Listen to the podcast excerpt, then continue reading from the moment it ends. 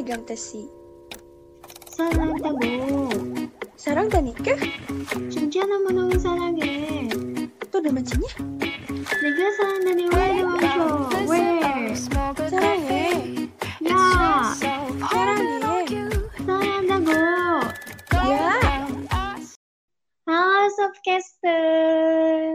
Halo, Selamat datang kembali di Sobcast Slice of Life Podcast. Ditemani oleh Migu. Dan Vile di episode kali ini. Yeay. Ngomong-ngomong nih, Sobcaster, pada nyadar nggak sih barusan kita ngebuka episode kali ini dengan apa? Dibuka sama monolog yang diambil dari salah satu adegan drakor paling hits le. Nah, ceritanya tadi kita lagi ngeparodiin nih guys. Tolong diapresiasi. Totalitas banget ya kita, Gu. Mm-mm, behind the scene-nya kita lagi kesurupan penulis komuniong ya. Nggak, nggak, nggak sampai segitunya, Gu. Tenang aja Softcaster, kita nggak main yang kayak gituan. Iya, kita bukan jurnal Migo dan jurnal Vile. Cringe, cringe, cringe. Ada. Udah. Aja banget nih hostnya yuk. Le, daripada kita ngawur, mending kita lanjut. Oke, kita lanjut nih Sobcaster. Mungkin para Sobcaster tuh udah pada familiar nih dengan parodi kita tadi karena kita ngambil dari drakor populer, terhits, dan terasik di tahun 2020, yaitu It's Okay to Not Be Okay. Oleh karenanya, episode podcast kali ini berjudul Sekarang Kita Cerita Tentang Mental Health yang ada kaitannya sama drakor tersebut. Yeay, pasti seru banget nih. Tapi sebelum berlanjut lebih dalam, boleh dong diceritain dulu drama ini tuh nyeritain tentang apa nih, Gu? Boleh banget nih, Le. Untuk para softcaster yang mungkin belum tahu dan yang udah tahu, jadi It's Okay to Not to Be Okay ini bercerita tentang kehidupan Moon Gang Tae, seorang perawat yang bekerja di rumah sakit jiwa yang diperankan oleh Kim So Hyun yang mirip banget sama Mark Lee dari NCT Dream, NCT LHL atau Super M. Nah, lawan mainnya ini adalah Ko Moon Young yang diperankan oleh So Ye Ji yang merupakan seorang penulis buku dongeng anak-anak yang terkenal dengan dongeng-dongengnya yang emang keren banget nih, Le. Nah, yang menderita gangguan kepribadian antisosial dan tidak pernah mengenal cinta. Long story short, pertemuan keduanya ini berujung pada mereka yang sama-sama menyembuhkan luka emosional satu sama lain. Yap, bener banget nih. Jadi secara keseluruhan, drama ini tuh banyak menyinggung tentang isu kesehatan mental atau dikenal dengan mental health. Nah, isu ini tuh lagi ramai banget nih diperbincangkan dan menjadi concern bagi banyak orang nih, Gu. Banyak orang, berarti kita juga termasuk dong, Le. Pastinya, kita semua punya struggle-nya masing-masing. Oke. Abis ini, iya nih, abis ini enaknya kita langsung masuk ke sesi cerita nggak sih? Boleh, boleh. Sabi tuh, asik banget. Cuman nih, Le, to make things clear sebelumnya, sebenarnya definisi dari sehat mental atau mental health itu apa sih? Oh iya ya, oke nih. Jadi Subcaster, menurut Organisasi Kesehatan Dunia atau WHO, kesehatan mental adalah keadaan sejahtera di mana setiap individu bisa mewujudkan potensi mereka sendiri. Artinya, bagaimana seseorang dapat mengatasi tekanan kehidupan, dapat berhubungan dengan orang lain, menangani stres, dan membuat pilihan. Good and exact definition yang langsung dari WHO. Le, bagus-bagus. Oke nih, sekarang boleh dong kita masuk ke sesi cerita.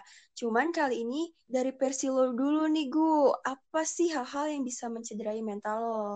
Oke, kalau dari gue, cerita gue, hal-hal yang bisa mencederai mental versi gue, ialah gue baru gitu loh, Le. Struggle yang gue alami itu hampir sama kayak struggle yang dialami Sang Tae, kakaknya Gang Tae di drakor itu.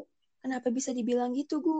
Lo tau gak sih bagian Sang Tae yang trauma banget sama kupu-kupu akibat peristiwa yang gak mengenakan yang harus dialami di masa lalu? Oh iya iya, yang tiap dia lihat kupu-kupu dia kan langsung ke trigger gitu kan? Iya, kurang lebih kayak gitu. Nah, bagi diri gue sendiri, ada bayang-bayang masa lalu yang sulit banget untuk gue lepaskan. Hampir setengah dari gue masih berada di masa lalu itu, dan dampaknya ialah I don't live to the fullest pada masa kini. Wah, sampai segitunya, Gu. Itu jelas sih nggak baik banget buat kesehatan mental lo. Gak baik banget, emang gue menyadari itu. Dan satu hal lagi yang gue sadari ialah gue tahu kalau misalkan ini tuh buruk ya untuk membandingin diri kita dengan di, diri orang lain. Nah, tapi gue sering kali merasa jauh tertinggal dibanding orang-orang lain seumuran gue dikarenakan hal ini. It's like you're stuck at the same place and can't make a movement. Ujung-ujungnya tuh overthinking lagi, nyalahin diri sendiri lagi. Hal-hal tersebut cukup banyak mencederai mental gue, Le. Iya sih, pasti berada di posisi lo itu berat banget. Tapi kalau boleh tahu nih, siapa tahu para subcaster punya masalah yang sama, cara lo survive di kondisi sulit itu gimana sih? Boleh dong di-sharing. It's hard ya sebenarnya buat completely beat my fear gitu. Cuman yang selalu gue bilang ke diri gue sendiri ya, Le, just keep going and breathing. Gue yakin sesuatu itu terjadi pasti bukan tanpa alasan kan, Le? Ya, gue setuju banget. Pokoknya seberat apa pun masalah lo, one day it will stop deh. Seperti kata Lihi di lagunya Holo. nah, oke. Okay. Thank you banget, Le. Udah dengerin cerita gue. Sekarang boleh dong gue dengerin cerita lo. Nah, kalau dari sisi lo, hal apa sih yang mencederai mental versi lo? Kalau versi gue sih, kadang hal-hal yang bisa bikin mental down tuh malahan berasal dari orang-orang terdekat. Misalnya, terjebak dalam toxic relationship.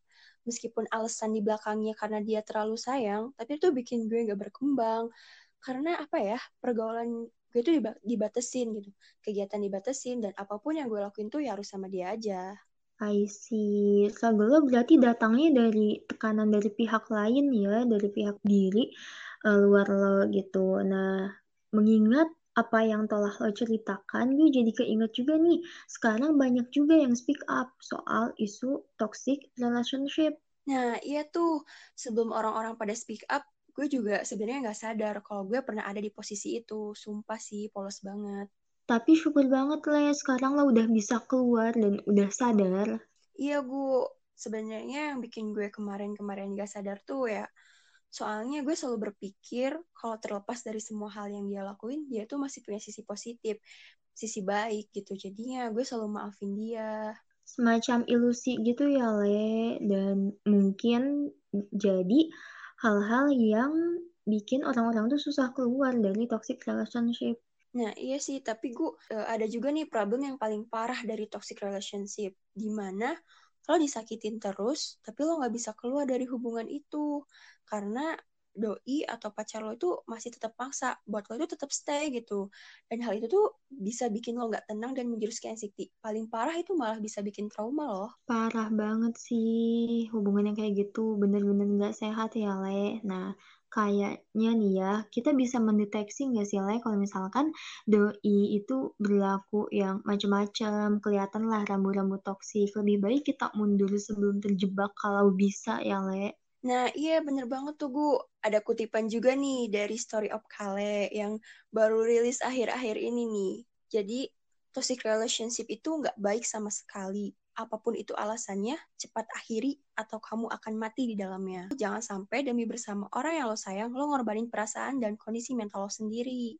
Makasih banyak buat Vileni yang hebat banget buat memutuskan dirinya untuk keluar dari hubungan yang tidak menyehatkan. Nah, ngomong-ngomong, setelah kita berdua cerita, gue juga jadi penasaran gitu loh, Le, sama cerita-cerita para softcaster tentang hal-hal apakah yang sempat atau sedang dirasakan oleh mereka yang berpengaruh nih pada mental-mental para softcaster. Iya nih, kita bakalan dengan senang hati mendengar cerita kalian yang penuh dengan lika-liku dan juga warna-warni seperti cerita kita tadi. Berat banget ya pasti ya untuk melangkah hingga sejauh ini. Ya, pasti berat banget, tapi kalian itu hebat. Kalian hebat udah bisa bertahan sampai di titik ini. Kayak di drakor It's Okay to Not To Be Okay, kita berterima kasih dulu yuk sama diri kita sendiri. Let's do butterfly hug. Yuk, nih buat Softcaster, jadi caranya itu silangkan kedua tangan kalian di depan dada, terus tepuk-tepuk bahu kalian, lalu bilang sama diri kalian kalau kalian tuh udah ngelakuin yang terbaik. Berdamai sama diri kalian sendiri kalau selama ini terlalu keras dalam berusaha. Kalian hebat dan mari lanjutkan langkah yang sudah kalian tempuh. Jangan menyerah, Sedikit lagi, kalian akan menang dan kalian akan bahagia. Yeay, kita semua hebat. Udah bisa bertahan nyampe saat ini. Nah, Softcaster, gimana nih episode kali ini? Yang kita mulai dari hahaha dan ujungnya itu agak huhuhuhu ya. Tapi emang seperti itulah Softcaster, ada kehidupan berjalan. Nah, ya bener banget nih kata kami Gu. Jadi intinya kita harus selalu semangat. Iya, harus semangat dan jangan pernah menyerah. Nah, cukup sekian episode kali ini. Nah, makasih banyak buat para softcaster yang udah ngedengerin episode kita cerita tentang mental health. Nah, gue Migu dan juga Ile pamit undur diri dan sampai jumpa di episode selanjutnya di Softcast. Teman duduk harianmu.